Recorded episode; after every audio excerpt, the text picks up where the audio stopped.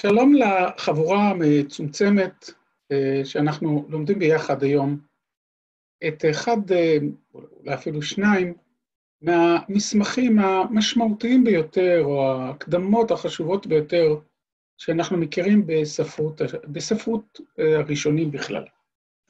אבל נגיד משהו, קודם כל, על המושג הקדמה. באופן בסיסי, בספרות הראשונים, ההקדמות הרבה פעמים הן הדבר החשוב ביותר שיש.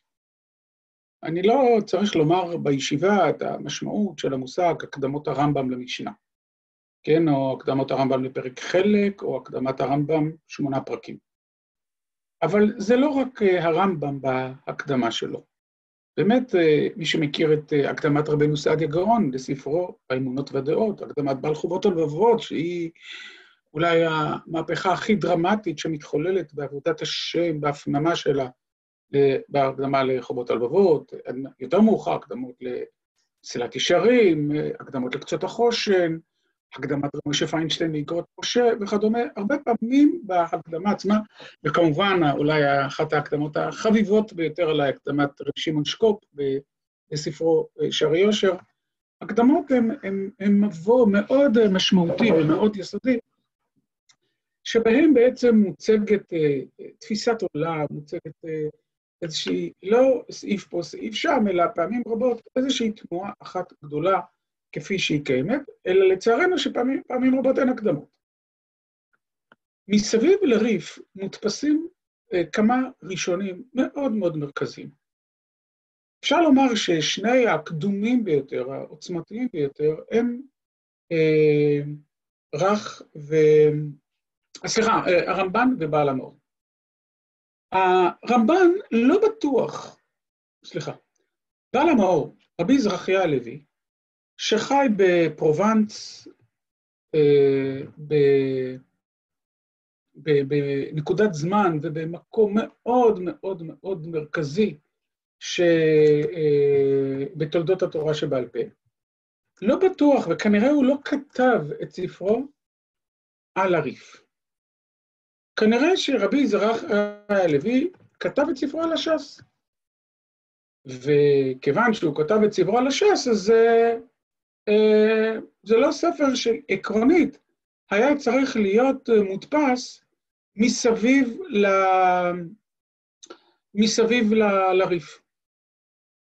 אנחנו בעיקר מתייחסים אליו מסביב לריף, כי בערך ב-40, ב-50 אחוז מהמקומות, אז הוא חולק על הריף, ושזו תעוזה מאוד מאוד גדולה.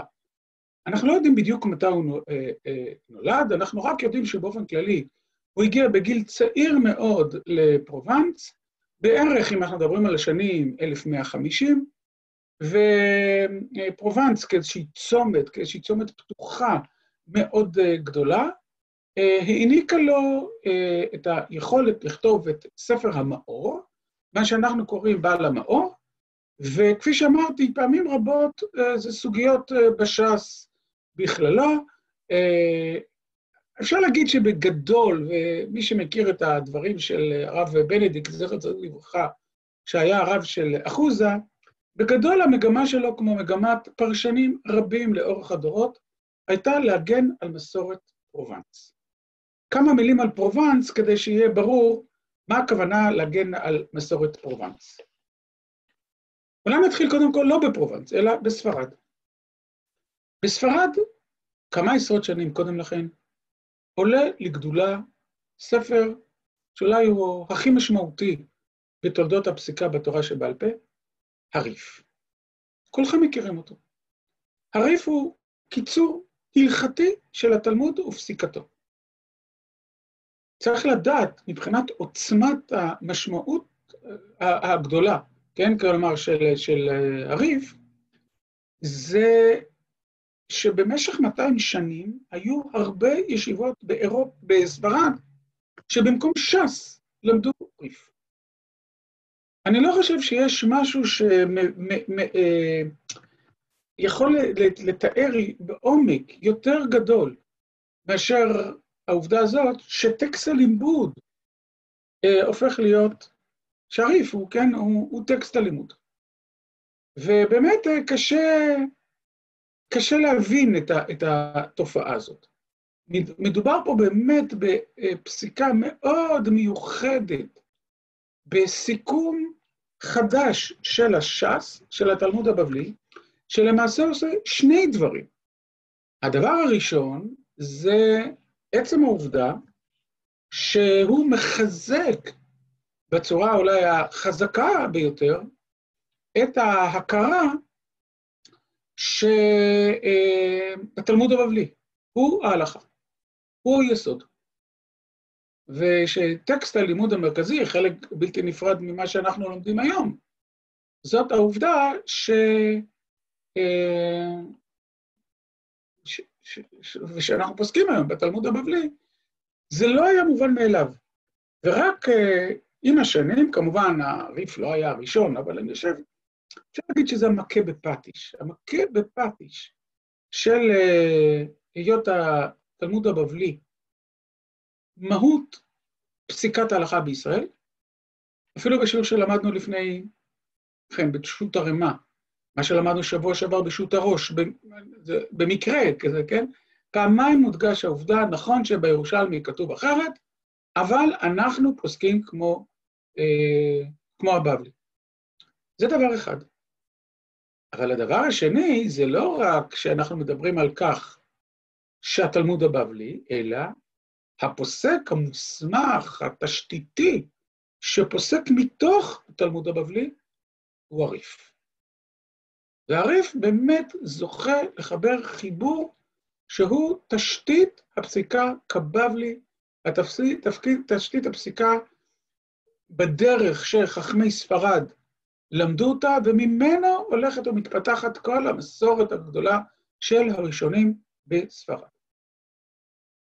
אלא שכשאנחנו אומרים דברים כאלה, כמו הרבה פעמים עד היום, אנחנו לפעמים שוכחים שספרד זה לא חזות הכול. יש עולם תורה ענק שנמצא באשכנז, בצרפת, בעוד מקומות שונים, אבל מה שכמובן מרתק ביותר זה העולם של פרובנס. פרובנס היא צומת, כמו שאתם רואים, בין אשכנז, צרפת וספרד למטה. בכל מקום שיש צומת נוצרת פתיחות. בכל מקום שיש צומת נוצר מפגש עולמות. לא חיים בתוך הבועה של עצמך. בכל מקום שיש צומת, שיש מפגש, נולדת מסורת ייחודית. ורבי, אנחנו מכירים אותה המון בעולם הישיבה, המאירי. המאירי, כי הוא 200 שנים יותר מאוחר, תורה וחוכמה ודעה ומפגש בין כל העולמות, אבל זה התחיל כמובן הרבה קודם. והנה חכמי פרובנס, אחד הגדולים שבהם הוא רבי זרחיה הלוי, למרות שהוא צעיר יחסית, מזהים איום על מסורתם. הן מסורת הפרשנות, והן מסורת הכיבוש, כן, כלומר של, של ההלכה, על ידי חכמי ספרד, בראשם הריף. וכנראה זאת הייתה המגמה של בעל המאור, כאשר הוא חיבר חיבור על הש"ס, שבהרבה מקומות, אמרתי, בערך ב-40 ו-50 אחוז מהמקומות, הוא חולק על הריף גם בפרשנות וגם בפסיקה. מחלוקות מאוד יסודיות, מאוד עמוקות. המיוחד בבעל המאור, צריך לדעת, זה שזה ספר, ככל הידוע לי, אני לא נתקלתי אף פעם, בלי סתירות. אין בו סתירות פנימיות, אין בו חזרות. כשהוא כתב משהו, יכול להיות שכשהוא תיקן, אז הוא בדק את כל המקומות המתגלגלים מהמקומות שהוא תיקן.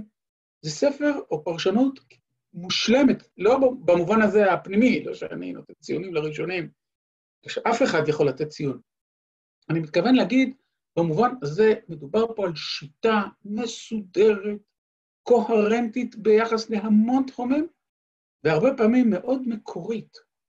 אני מזכיר לכם, למשל, לא מזמן, סליחה, זה כבר כן מזמן, שבחנוכה אנחנו מכירים את uh, טענתו שקדושת נרות חנוכה נובעת מהעובדה שהם זכר למקדש.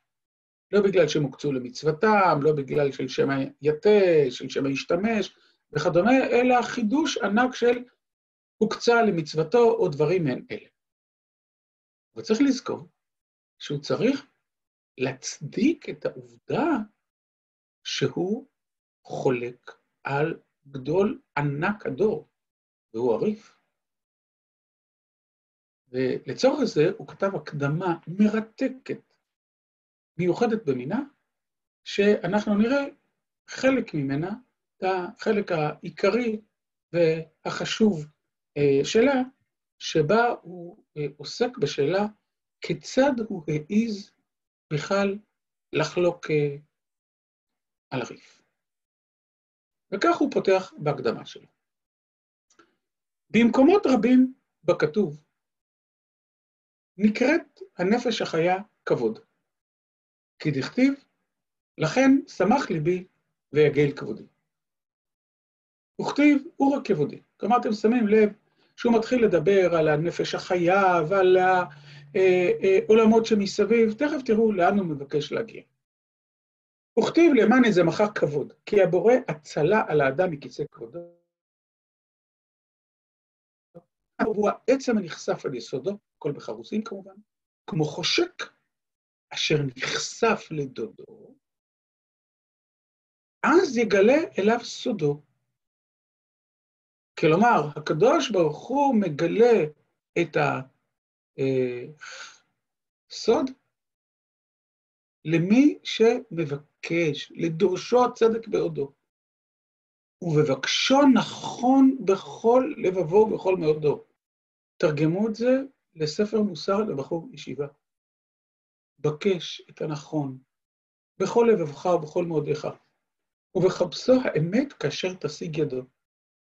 כי דכתיב אם תבקשנה ככסף וכמטמונים תחפשנה, אז תבין יראת השם ודעת אלוהים תמצא.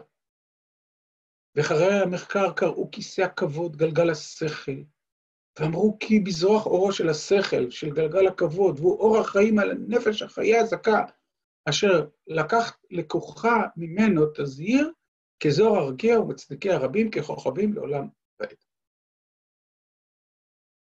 מה זה בעצם מחולל באדם שמחפש את האמת? מה זה מחולל? בלומדי התורה. על כן מלא חשק לב כל חכם לב, לדרוש ולתור בחוכמה, להבין ולהשכיל, אם להסמיל, אם להאמין, אם להסמיל, בין האמת ובין השקר, להורות ולהבדיל. כלומר, תשימו לב שהמילים שבהם בעל המאור משתמש, אלה הם מילים של חשק, של תשוקה, שזה גם היה קיים קודם, כן, אה, עצם הנחשף אל יסודו. אלה המילים. כמו חושק אשר נחשף לדודו, כלומר, כמו מאוהבים, זו חושקת, כן, כלומר, זוג מאוהבים אחד בשני, ורק כשמבקשים את התורה בנאמנות וביושר ובהתמדה ובעוצמה ובזיקה ומתבקרים אל בקשת לדרוש ולתור בחוכמה, להבין ולהשכיל, אז אפשר להגיע לאן שמגיעים. אז אפשר להגיע למקומות היותר גבוהים, היותר מרתקים והיותר מעניינים. אבל יש לזה גם צד שעלול להיתפס כנגטיבי, כשלילי. אומר הבעל המאור, אם מדובר פה על תשוקה של חיפוש האמת, אם מדובר פה על התמכרות, אם מדובר פה על אהבה, לא על החובה ומצווה של תלמוד תורה בלבד, אלא נהירה לקראת תלמוד תורה, אנשים מאוהבים נעשים לפעמים חולי אהבה. אנשים מאוהבים לפעמים לא עומדים בפיתוי ומתנגדים, מתנהגים שלא בצניעות. אנשים מאוהבים אה, לפעמים אה, שוכחים את הבושה, את הענווה. כלומר, ברגע שמדובר פה באטרף של חיפוש התורה והאמת שבה, כמו שתמיד אנחנו לומדים בישיבה, אין תנועת נפש גדולה שאין לה צללים.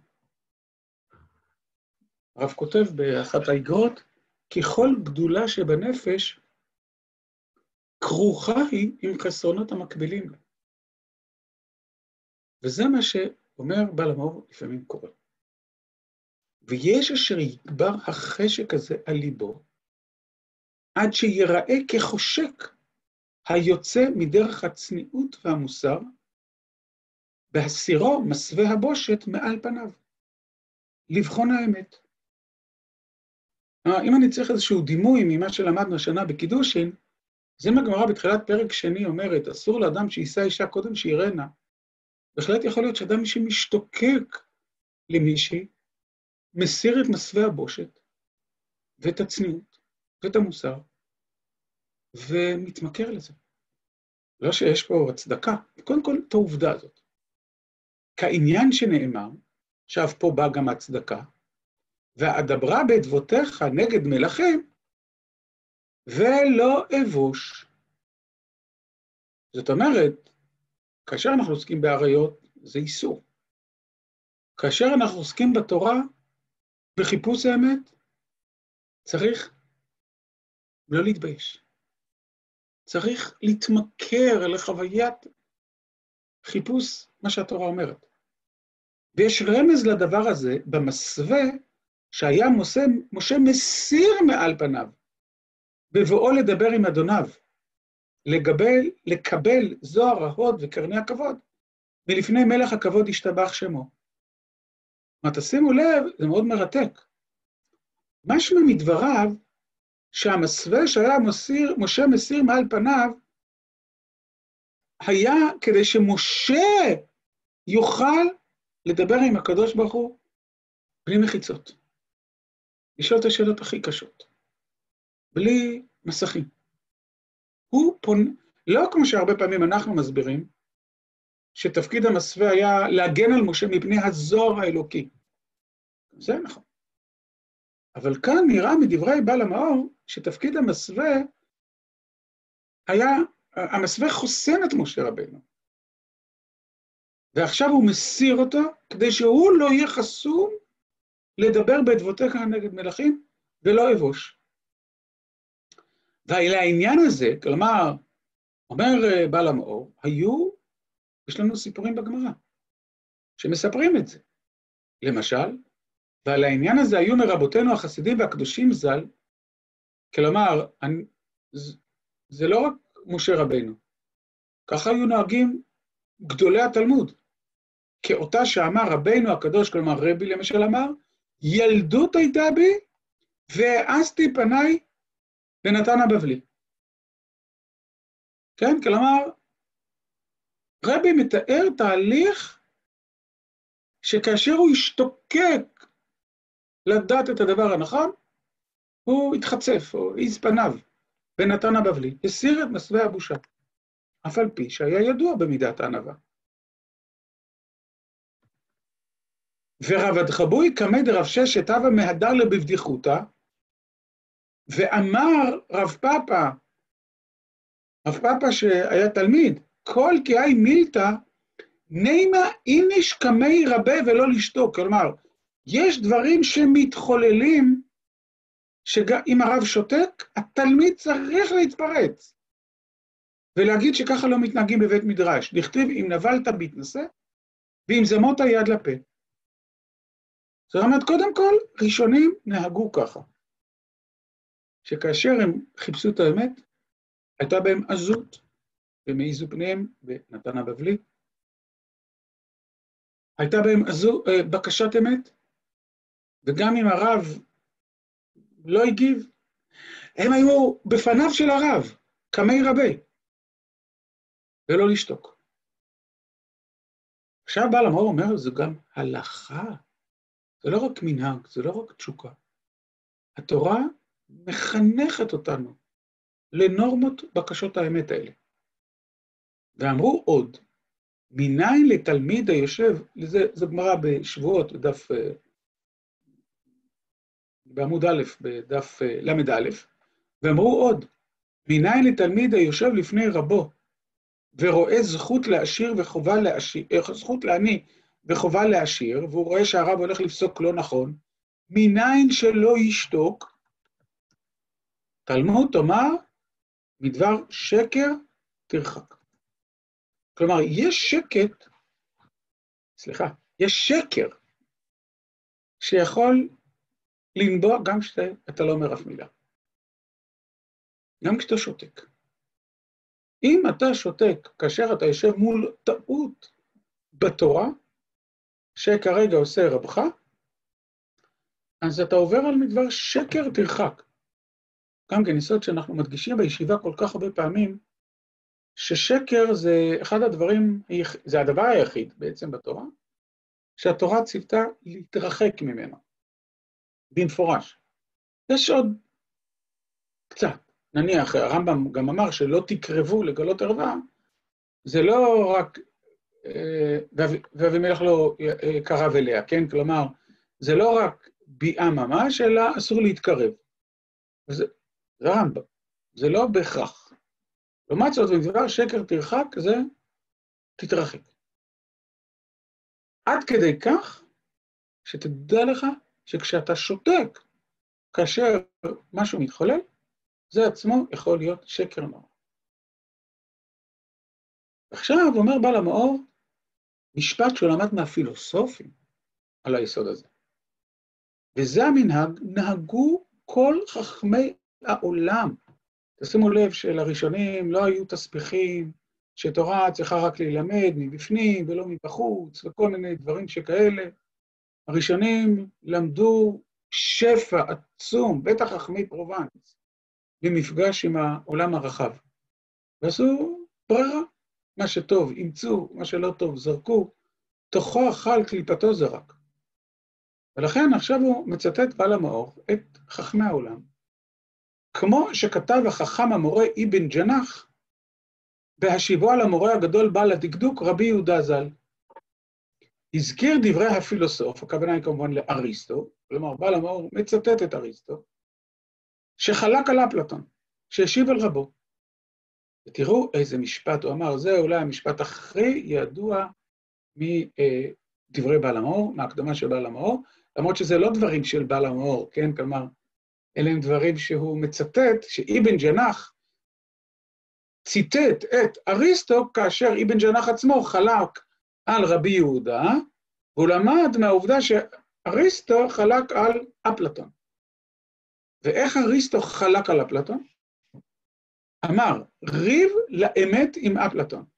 כן? כלומר, יש עימות בין האמת לבין אפלטון. ושניהם אוהבינו. אני מאוד מאוד אוהב גם את אפלטון וגם את האמת. אבל בהכרעה הסופית שלי, אך האמת אהוב יותר. זאת אומרת, בעימות שבין האמת לבין אפלטון, אני, כפי שאמרנו, אוהב את שניהם, אבל האמת יותר. ואתם מבינים, אם כן, כיצד בעל המאור, אם כן, מצדיק את עצם העובדה שהוא מעז לחשוב על אפשרות שפירושו יחלוק על הריב. הוא אומר, אני באתי לפה מכוח בקשת האמת, מתוך תשוקת האמת. ככה הקדוש ברוך הוא הציב, הוא הציב את התורה לאלה שמבקשים אותה, לאלה שכוספים אליה, לאלה שרודפים אחריה. וכך נהגו הראשונים, כלומר, תנאים, אמוראים. וכך אמר דוד המלך, ואדברה בדבותיך נגד מלכים ולא אבוש. וכך משה רבנו, וכך רבי, וכך הרב תחוי, סליחה, זאת אומרת, רב פאפה. אבל בעיקר, זאת גם הלכה. וההלכה אוסרת, אוסרת לא לחפש את האמת, מצד עצמו. ולכן, הדבר הזה הוא גם אצל גדולי אומות העולם. ריב לאמת עם אפלטון, ושניהם אוהבינו, אך האמת אהוב יותר. ואמר, עוד משפט יפה, אני, ואמר עוד, אני לא באתי לגרוע מעלת האיש הזה ולהשפילה. כלומר, בשעה שתלמיד חולק על רבו, מגמתו, חס וחלילה, לא נועדה כדי לגרוע ממעלת האיש ולהשפילה, אך להפליאה ולהגדילה. כאן הוא אומר משהו מאוד עמוק, אני חושב שזה מאוד נכון. וזה שברגע שדברי הרב משת... בואו ניקח את האפשרות ההפוכה, אוקיי? הרב אומר משהו לא נכון, והתלמיד, כדי לכבד אותו, לא חולק עליו. אני לא מדבר כרגע על הנזק הנורא של התלמיד, אני מדבר כרגע על מה הוא משדר לרבו. הוא משדר לרבו שרב, כאילו שהאמת לא חשובה לאף אחד, שלרבו חשוב הכבוד ולא האמת. לא רק זה, הוא משבר לרבו שדבריו לא ראויים למחלוקת. הם פשוט ראויים להתעלמות. לעומת זאת, אם הוא לוקח את דברי רבו, מתעמת, מקשה עליה קושיות. דברי רבו הופכים להיות פלטפורמת הלימוד. ולא רק זה, הוא מביע בזה כי כולנו משדה חוכמתו הניקנו, ומאושר תבונתו הניקדנו, ומפרי פי שכלו אנו לוקטים, ובים דעתו אנו שתים, ועוד משפט מאוד חשוב, והוא אשר פקח עינינו ולימדנו והועילנו וגידלנו והשכילנו בחוכמה הזאת, ובאשר למדנו מפיו, אנו משיבים מדבריו על דבריו. וזה ממש מדהים. כן? כלומר, בעצם יש במחלוקת על הרב הבעת אמון מאוד גדולה כלפי הרב. כי חולקים על הרב מכוחו של הרב. כן? ובאשר למדנו מפיו, אנחנו משיבים מדבריו על דבריו. ובכדברים האלה, כן? כלומר, כל זה, זה ציטוט מדברי אה, חכמי העולם. זה המנהג נהגו כל חכמי העולם, ובעצם יש פה שתי תנועות מאוד, אה, מאוד מרתקות. תנועה אחת שאומרת, הייתי קורא לזה אחת תנועת דין. יש עימות, קונפליקט בין האמת לבין אפלטון, בין, להבדיל בין האמת לבין רבו, שניהם אוהבינו, אך האמת אהוב יותר. זה אה, פן אחד. תנועה שנייה שיש פה היא יותר של חסד. כלומר, אמירה שכל מה שאני יודע, אפילו לחלוק על הרב, ממה שאני יודע, זה ממנו. ומכוח העובדה הזאת, ומכוח הדברים האלה, אני בא אל הרב, וגם בעצם העובדה שאני חולק עליו, אני מלמד את תורתו. ועכשיו הוא אומר, בעל המור, הבה ניגש לנושא. ויותר מהמה, כל שיש להוסיף, אני הצעיר. אומר על רבנו הרב הגדול המובהק, רבי יצחק ברבי יעקב בעל ההלכות המכונה אבן כן על הריף. ואינו צריך להעריך בגדולתו ובחוכמתו, כי גלויה לכל בעלי עיניים כשמש בחצי השמיים, וכנפי צדקותיו וחיבור הלכותיו פרוסות על דורותיו ועל כל דורות הבאים לאחריו, כי לא נעשה, לא נעשה חיבור יפה כמוהו בתלמוד מאחרי סתימתו. זאת אומרת, נקודת המוצא שלי, שהחיבור הזה של הריף הוא עילאי, הוא מיוחד במינו. לא נעשה חיבור יפה כמוהו בתלמוד מאחרי חתימתו, כן, סתימתו. ולכן, דווקא מכוח העובדה הזאת, חובה עלינו בכל דבר נכבד ומפואר לכבדו ולפארו ולקדשו ולטהרו, ולהלבינו לבררו כפי כוחנו. נפסיק כרגע כאן. יואב, כן. מי הרים עץ ליד? ביקש להגיב? כן. אה, שכתוב אה, שכל החולק על ישיבתו של רבו כאילו מסלק את השכנה מישראל. אני חושב, ש... אני חושב שבכלל, המילה חולק בהקשר הזה שחז"ל מדברים עליו, אה, בוא נגיד ככה, ראשית יכולות להיות תנועות שונות. בהחלט יכולה להיות ביקורת עצומה על עצם המצב שרב חולק על, זאת אומרת שתלמיד חולק על רבו, וכנראה עד אגב עד היום. עד היום. יש ישיבות שבהן אה, אה, הציפייה והתנועה הרוחנית היא שהתלמידים יגדלו בתבנית ובצורה של הרב, ויש ישיבות שבהן אה, אה, הרב שמח בכל ביטוי עצמאי של התלמיד, גם אם התלמיד הולך בדרך אחרת, ובדרך כלל זה גם לא בינארי, יותר מורכב. זה, זה דבר אחד. אבל דבר שני, אני חושב שיש פה גם אה, הבנה מאוד גדולה ב, בדקדוק, וצריך להבין מה זה מחלוקת, החולק. אני אתן לכם דוגמה שהרבה כבר כתבו עליה לפניי, זוהי מחלוקת לשם שמיים, זה מחלוקת אה, שמאי והלל, כן? וזוהי מחלוקת אה, שלא לשם שמיים, זו מחלוקת קורח ועדתו. אז, אה, סליחה, קורח ועדתו הם לא חלקו. משהו לא מתיישב פה, נכון? כלומר, היה צריך להגיד, זו מחלוקת קורח ומשה. אז כמובן הרבה דרשנים אומרים, כן הייתה מחלוקת בתוך קורח. כי כל אחד בא ממינים אחרים, דתן ואבירם, היה להם מינים אחרים, 250 נשיאים, או מקטירי הקטורת, היו להם מינים אחרים, קורח היה להם מיני, מיני אחר, וזו אפשרות אחת. אבל האפשרות השנייה היא שפשוט המילה מחלוקת היא לא, כמו שאנחנו קוראים לזה, disagreement, כן? כלומר, אי הסכמה או מחלוקת. מחלוקת, הכוונה היא פילוג.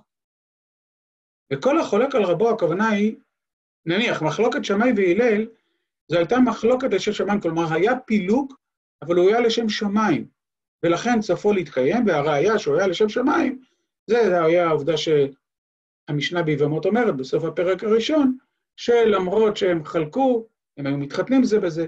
לעומת זאת, מחלוקת קורח ועדתו, הכוונה היא, הפילוג שיצרו קורח ועדתו, זה המחלוקת שלא לשם שמיים, ולכן אין סופה להתקיים. ואז יכול להיות שהביטוי כל החולק על רבו כחולק על השכינה, אין הכוונה כל האומר דעה אחרת מאשר רבו. כי אנחנו מוצאים המון בהלכה שההלכה רצתה את זה.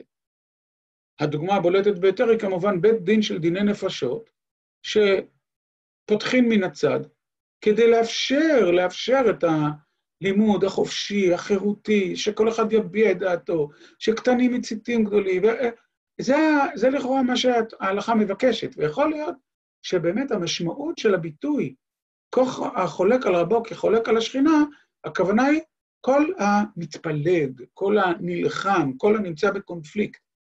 אבל בנושא הזה, יש הלכות שאוסרות להורות הלכה במקום רבו. זה סיפור אחר, כן? כלומר, במקום שרבו נמצא, לא מורים הלכה לאחרים. אבל זה לא מה שאנחנו מדברים עליו עכשיו, אנחנו מדברים כמובן על הלימוד, ובעיקר במקרה שלנו, שבעל המור איננו תלמידו של הריב. אז לכן, אה, יחס, אם אני מסכם, מה למדנו מפה? למדנו מפה קודם כל את הפתיחה של לימוד תורה ובקשת האמת מתוך תשוקה. לדעת שלתשוקה יש גם התנהגויות אה, כחושק היוצא מדרך הצניעות, כן? כלומר, אה, לפעמים אנחנו מוצאים התנהגויות ככה, כחושק היוצא מדרך הצניעות. יש גם חובה לעשות את זה, כן? מניין שלא ישתוק. יש גם חובה שאסור לנו אה, לשתוק, יש גם נוהג, וכל זה חס וחלילה איננו מקטין את הריף, אלא מטרתי או הישגי הגדול הוא, שאני, אני, בעצם העובדה שאני מתפלמס איתו, א', אני עושה את זה מכוחו, ומיד תראו, בעצם בכך אני מקבע את הריף כספר היסוד. גם כן, דברים שאמרנו הרבה פעמים בישיבה. אחת הסיבות שהשולחן ערוך נהפך להיות ספר הפסק, זה דווקא השגות הרמ"א. כי השגות הרמ"א בעצם אומרות ששולחן ערוך הוא הפלטפורמה. והרמ"א מגיב, חולק, מוסיף, אבל בעצם העובדה שהרמ"א נכתב מסביב לשולחן ערוך, הוא קיבל את השולחן ערוך. אותו דבר קרה בין הרייבד לרמב"ם. וזה מה שאומר בעל המאור, עכשיו יקרה, מכוח העובדה שאני הפכתי את הריף לפלטפורמה. ולזאת חיברתי הספר הזה. וקראתיו מאור, להאיר עיני התלמידים, להסירה ממכשולי הספקות ומוקשי השגגות. ושמתי, או ושמתי, הלכות הרב הנזכר ז"ל כשורש לספר הזה, ובה אני דורש ושואל וחוקר ומאיר ומעורר, פעם סומך ועוזר, ופעם כמשיב ושובר.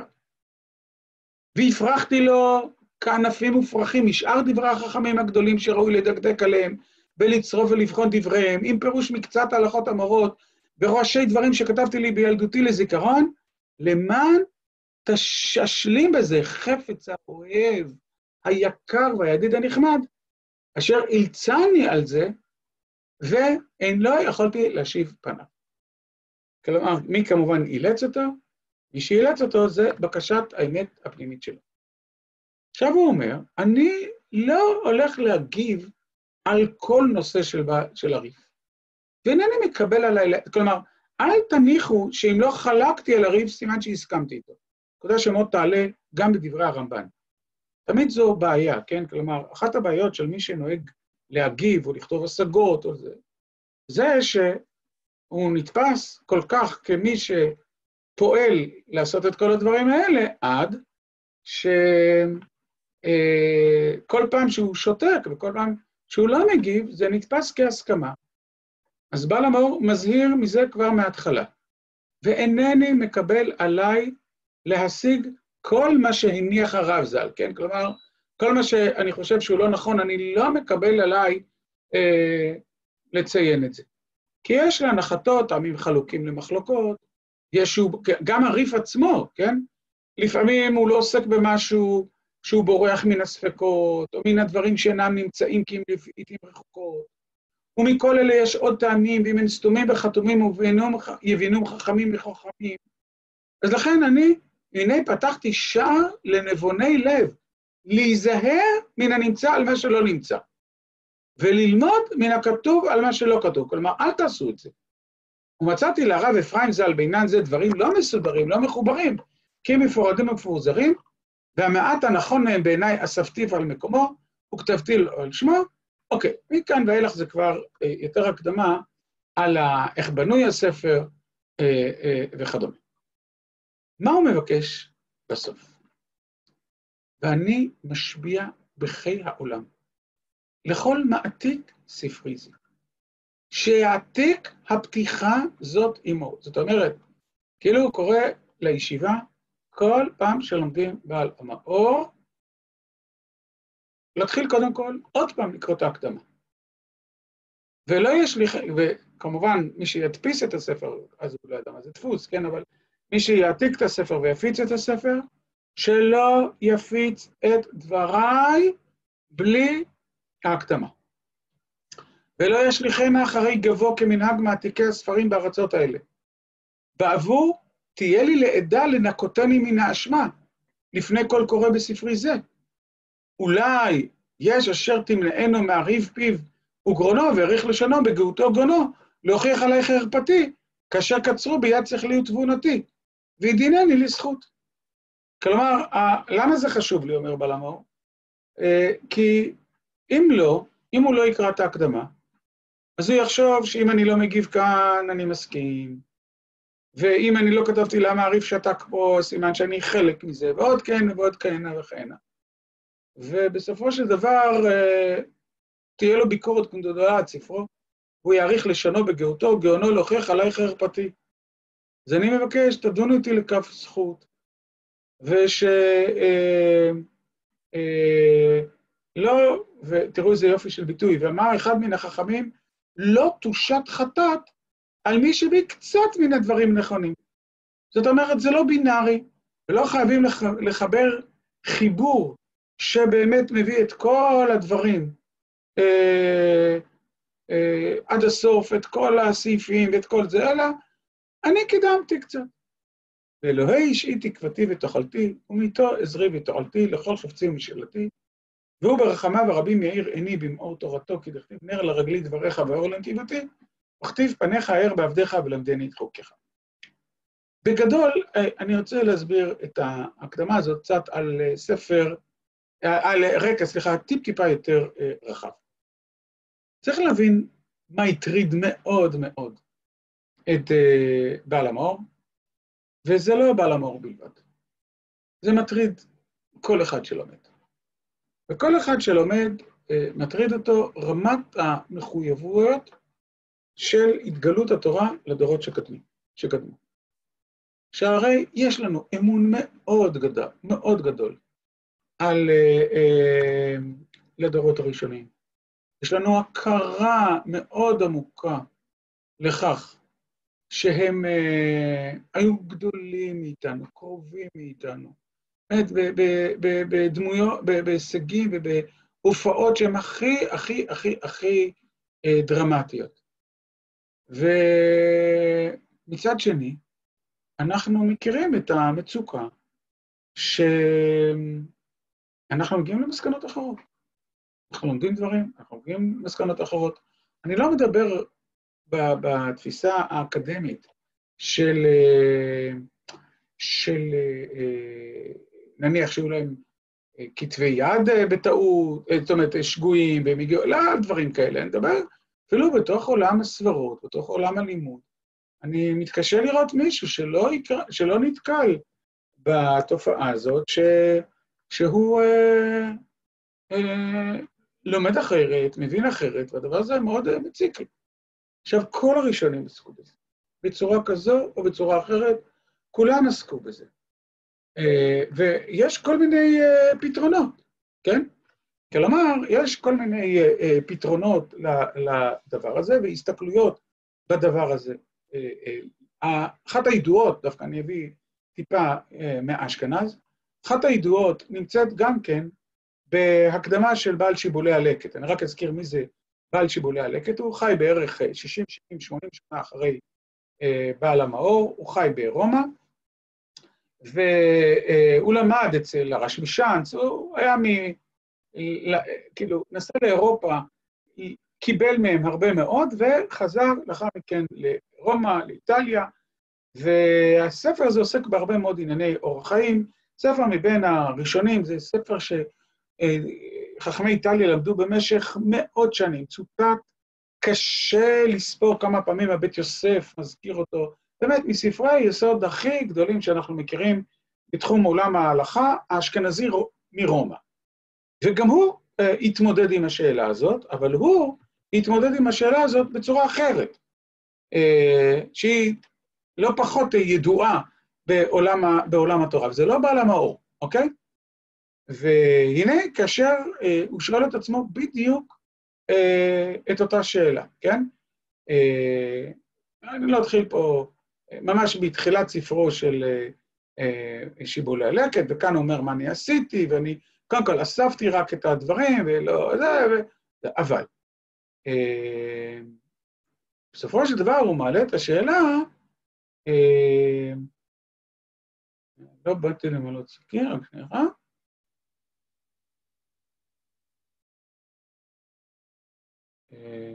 הנה.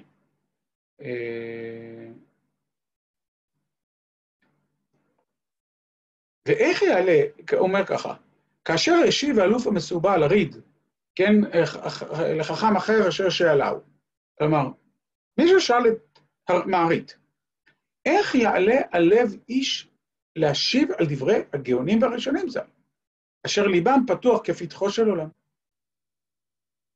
כן, בדיוק אותה שאלה. אבל תשימו לב שפה יש תשובה אחרת. והמשיב עליו במשל אשר שמע מחכמי הגויים, שוב, זאת שאלה אוניברסלית לגבי כל התלמידים בעולם. כל הממשיכים, כל אחד הרי הוא, לפני שהוא רב, הוא, הוא תלמיד. וגם אם זה בכלל לא קשור לתורה. שהפילוסופים שאלו לגדול שלהם ואמרו, הלוא אנחנו יודעים שהראשונים חכמו והשכילו יותר ממנו, והלא אנחנו מדברים עליהם וסותרים את דבריהם בהרבה מקומות, והאמת איתנו. ריב לאמת עם אפלטון, כן? איך ייכון הדבר הזה? השיבם הפילוסוף, מי צופה יותר מרחוק? הננס, כלומר, אנחנו ננסים, או הענק? עכשיו, אין ספק שהקודמים היו הענקים. הווה אומר, הענק, שעיניו עומדות במקום גבוה מאוד מעיני הננס. אבל אם תרכיב הננס בצוואר הענק, מי רואה יותר רחוק? הווה אומר הננס, לפי שעכשיו עיני הננס גבוהות מעיני הענק. כך אנחנו ננסים רוכבים על צוואר הענקים, מפני שראינו חוכמתם, ואנחנו מעמיקים, ומכוח חוכמתם חכמנו לאמור. שמים לב, ממש אותו יסוד שמופיע בדברי בעל המאור, כל מה שאנו אומרים, ולא שאנו, בכוח חוכמתם חכמנו לומר כל מה שאנו אומרים, ולא שאנו גדולים מהם. כלומר, אתם שמים לב שזו התמודדות עם אותה שאלה, אבל כאן זו תשובה אחרת. לא לגמרי אחרת, כי בשני המקומות אנחנו מוצאים את הטיעון שאנחנו מסוגלים לעשות את המחלוקת מכוח החוכמה של אלה שלמדנו מהם, אבל מצד שני, בעל המאור אומר, אטרף על האמת, תשוקה לאמת. אני יודע שזה יוצא מגדרי הצניעות והקדושה והענווה וזה, אבל אני רץ לאמת. ואילו בעל שיבולי הלקט אומר, בעצם אנחנו האמת. כי אנחנו הננסים העומדים על הראש של הענקים, אז אנחנו רואים יותר רחוק. אגב, הנושא הזה הוא נמצא בשורשים הכי קדומים של לימוד ההלכה. כי בגמרא עצמה אנחנו מוצאים שעד תקופה מסוימת הלכה כקדמונים, רב ושמואל, ומשלב מסוים הלכתה כבתראי.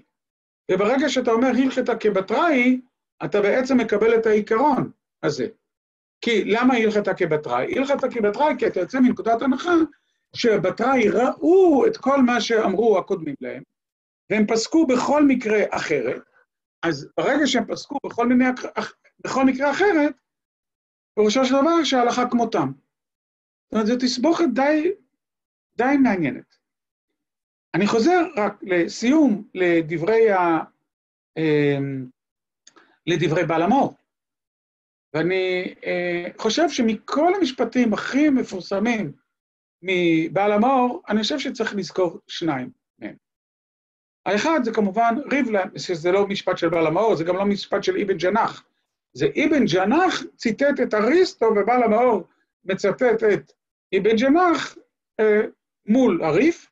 ריב לאמת עם אפלטון, ושניהם אוהבינו, אך האמת אהוב יותר, אבל לא פחות מזה שיש לזה תנאי.